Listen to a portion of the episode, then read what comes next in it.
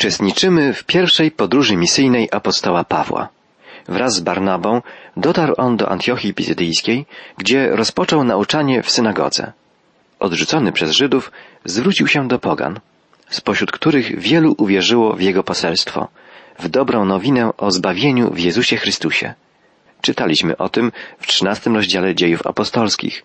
A teraz przeczytajmy kilka pierwszych wierszy czternastego rozdziału. Opisana jest tu dalsza droga Pawła i jego towarzyszy. Czytamy. Gdy już byli w Ikonium, poszli również do synagogi żydowskiej i przemawiali tak, że wielu Żydów i Greków uwierzyło. Ci Żydzi jednak, którzy nie dali się przekonać, podburzyli i rozjączyli pogan przeciwko braciom.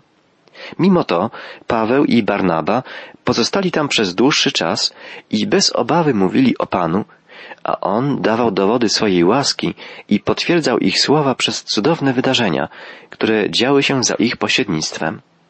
Ludność miasta podzieliła się. Jedni byli po stronie Żydów, a inni po stronie apostołów. W końcu doszło do tego, że poganie i Żydzi razem ze swymi przywódcami rzucali na nich obelgi i postanowili ich ukamienować.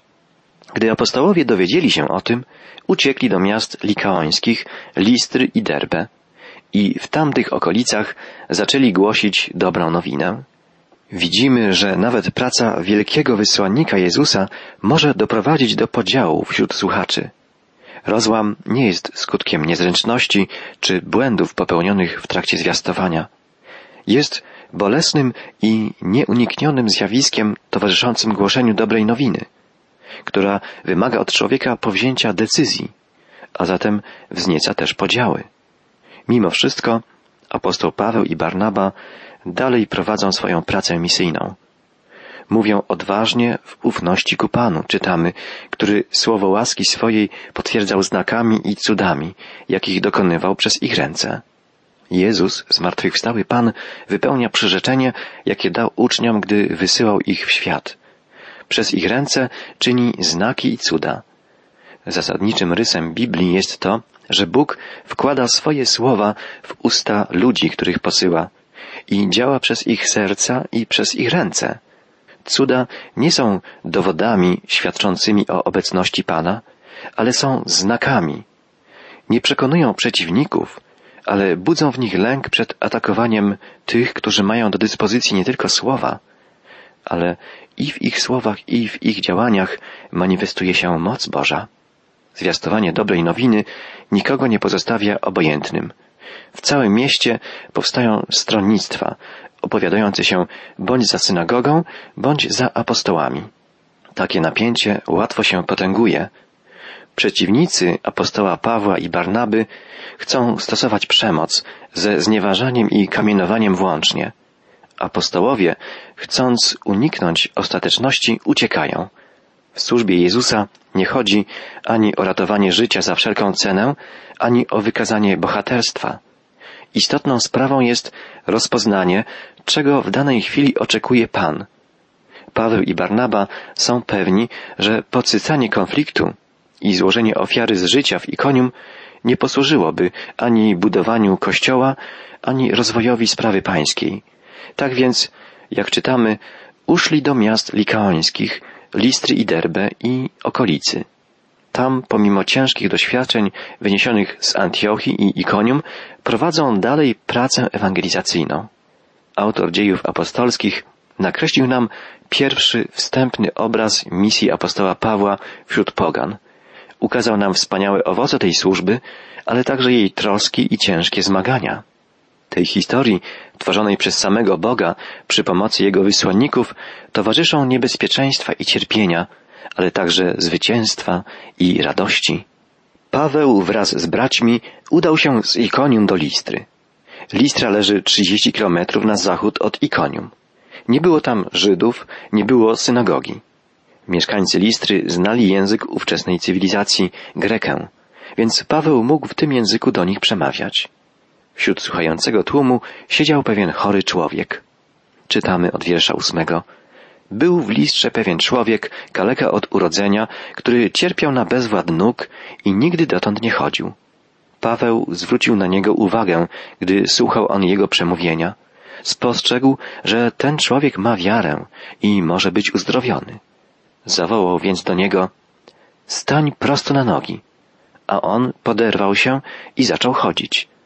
Ludzie zaś, widząc, czego Paweł dokonał, zawołali po likaońsku, oto przybyli do nas bogowie w ludzkiej postaci.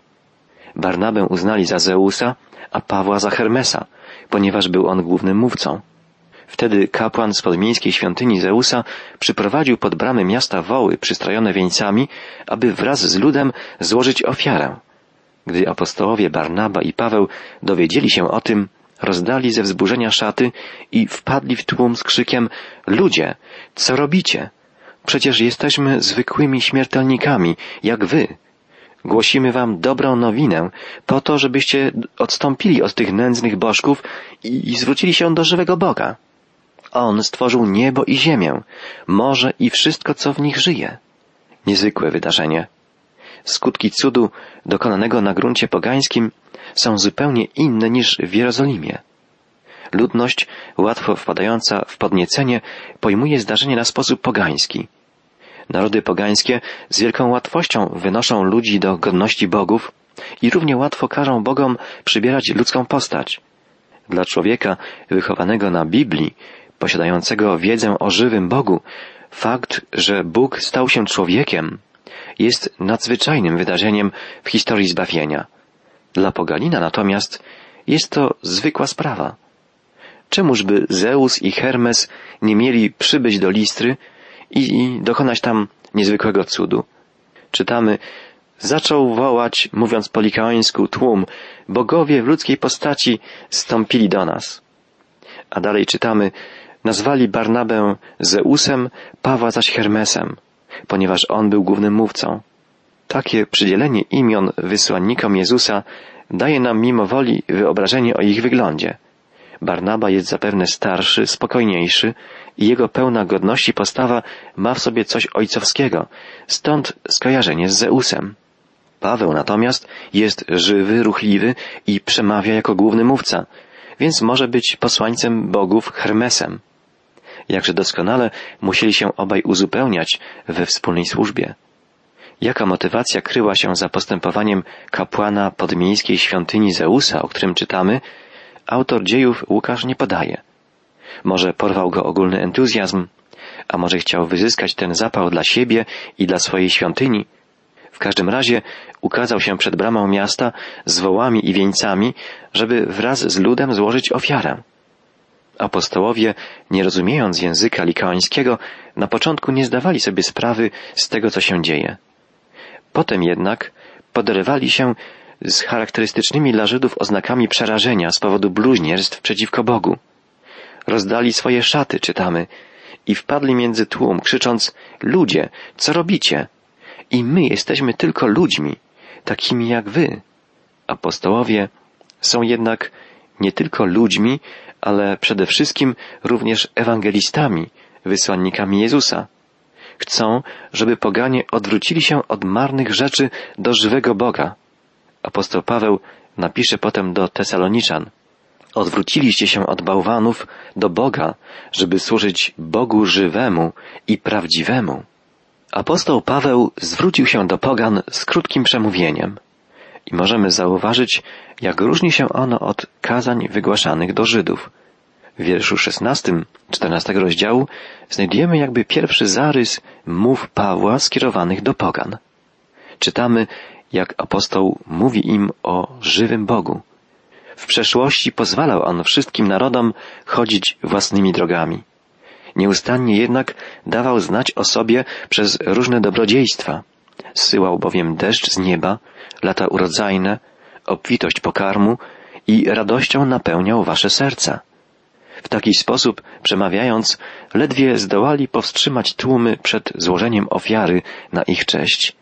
Marnym rzeczom i błędnej religii można przeciwstawić tylko świadectwo o prawdziwym, żywym Bogu i o Jego działaniu.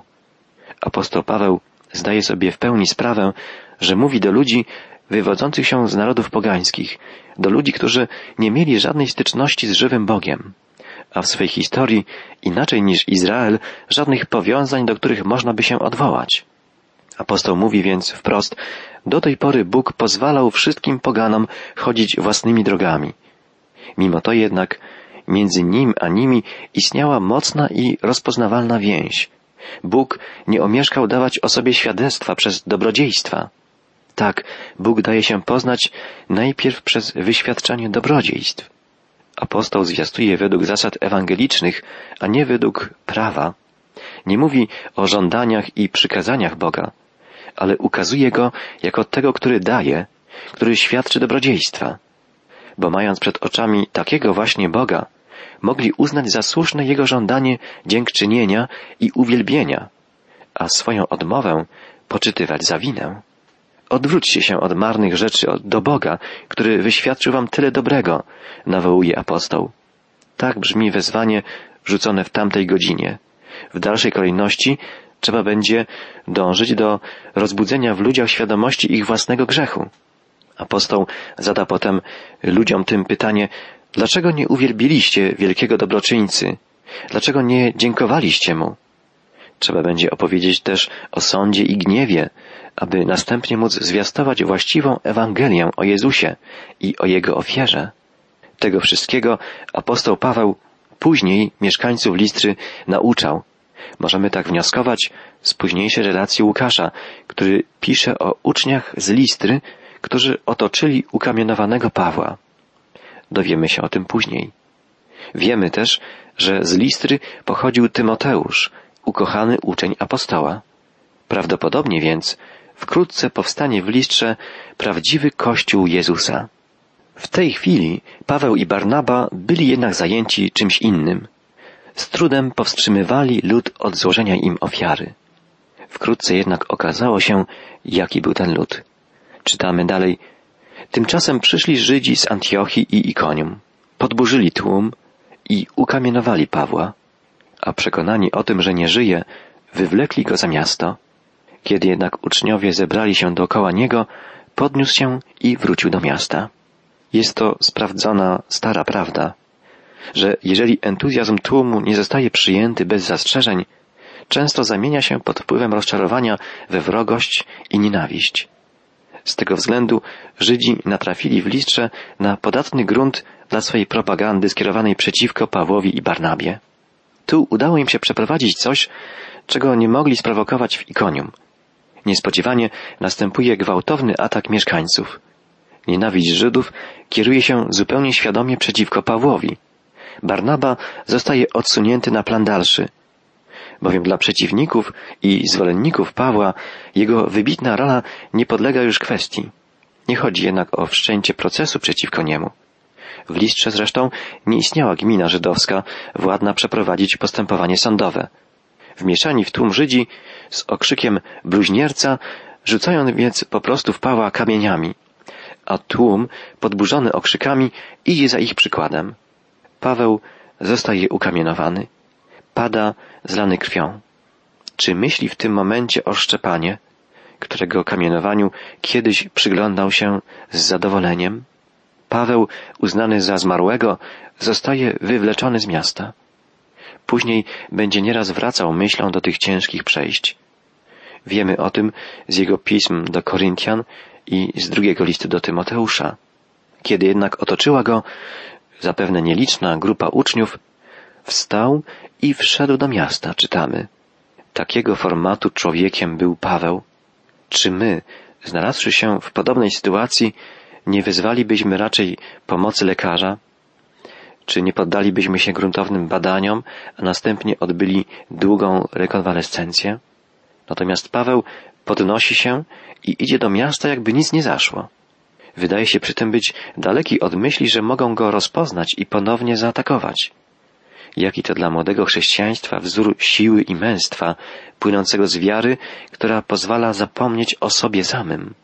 Apostoł wie, że ma do wykonania wiele pracy, i wie, że powołał go do niej sam Jezus. Już następnego dnia wstaje więc i odchodzi z Barnabą do Derbe. Derbe leżało jeszcze dalej na wschód od Listry. Paweł i Barnaba, zwiastując dobrą nowinę w Derbe, pozyskali wielu uczniów. W porównaniu z ogromnymi trudnościami, jakie spotykały Pawła i Barnabę wcześniej, stosunkowo wielu uczniów mimo wszystko pozyskiwano dla Chrystusa.